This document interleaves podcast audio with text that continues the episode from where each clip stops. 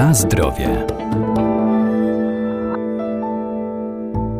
Codzienne żywienie musi się składać z kilku posiłków, które należy spożywać o regularnych porach. Najważniejszym z nich jest śniadanie, a największym obiad, ale istotne dla naszego zdrowia jest także to, jak skomponujemy kolację, jakie produkty można spożywać wieczorem i o jakiej porze.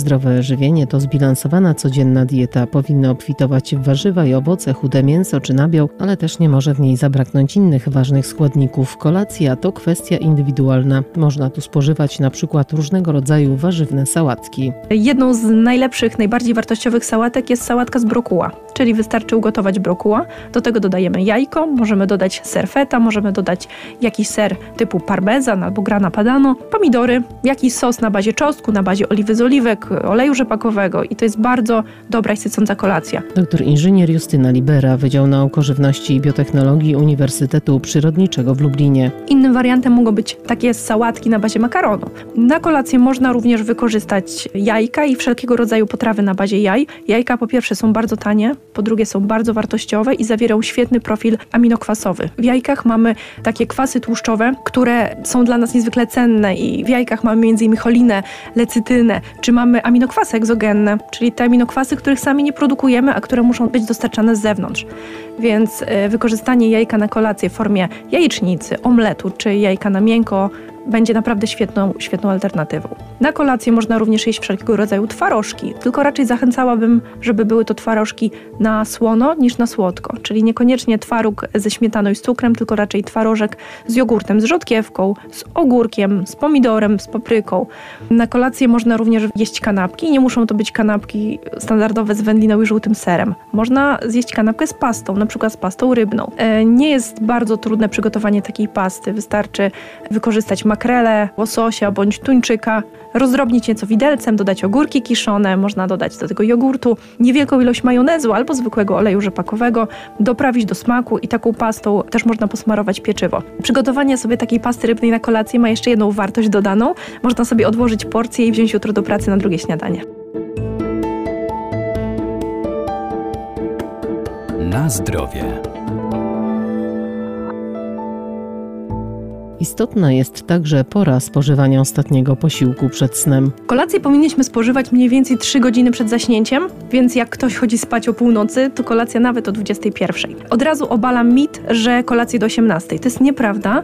Kolację do 18 jedzą te osoby, które idą spać o 20. Natomiast jeżeli idziemy spać później, to kolację dostosowujemy do naszego trybu dnia. Kolacja powinna być y, bogatym źródłem białka, bo białko to jest ten składnik diety, który nas najlepiej syci musimy pamiętać o tym, że pomiędzy położeniem się spać a obudzeniem się rano mija mniej więcej 7-8 godzin. I to jest 7-8 godzin, podczas których my nic nie spożywamy, więc tej energii w żaden sposób nie dostarczamy do organizmu, ale ją wydatkujemy, no bo serce pracuje, płuca pracują, nerki pracują, mózg pracuje, więc organizm spala jakąś energię, a nie dostarcza jej. Więc dajmy mu taką energię, która się będzie trawiła wolno i będzie powodowała taki powolny wyrzut cukru i innych składników do krwi. Jak to zrobić? Wybieramy produkty znowu o niskim indeksie glikemicznym, czyli raczej na kolację nie powinny to być produkty, które się łatwo strawią, czyli niekoniecznie same owoce, niekoniecznie słodkie bułeczki, nawet miód niekoniecznie będzie dobry na kolację. Raczej kolacja bardziej na wytrawnie. Fajnie, żeby to było coś na ciepło, bo kolacja na ciepło sprzyja lepszemu zaśnięciu. Niektórzy mówią, że warto wypić szklankę mleka przed zaśnięciem. Tak, ale niekoniecznie samo mleko, tylko mleko i kanapka do tego. Samo mleko to jest laktoza, czyli cukier, który się wchłania bardzo szybko. Jeżeli dorzucimy do tej szklanki mleka kanapkę albo dorzucimy do tego jakiś inny posiłek, to ten indeks glikemiczny się obniży i ten cukier z mleka wchłonie się wolniej. Oczywiście musimy pamiętać też o tym, że nie warto jeść słodkie potrawy na kolację, jeżeli nie umyjemy też dobrze zębów, bo potem może to przyczyniać się do rozwoju próchnicy w jamie ustnej.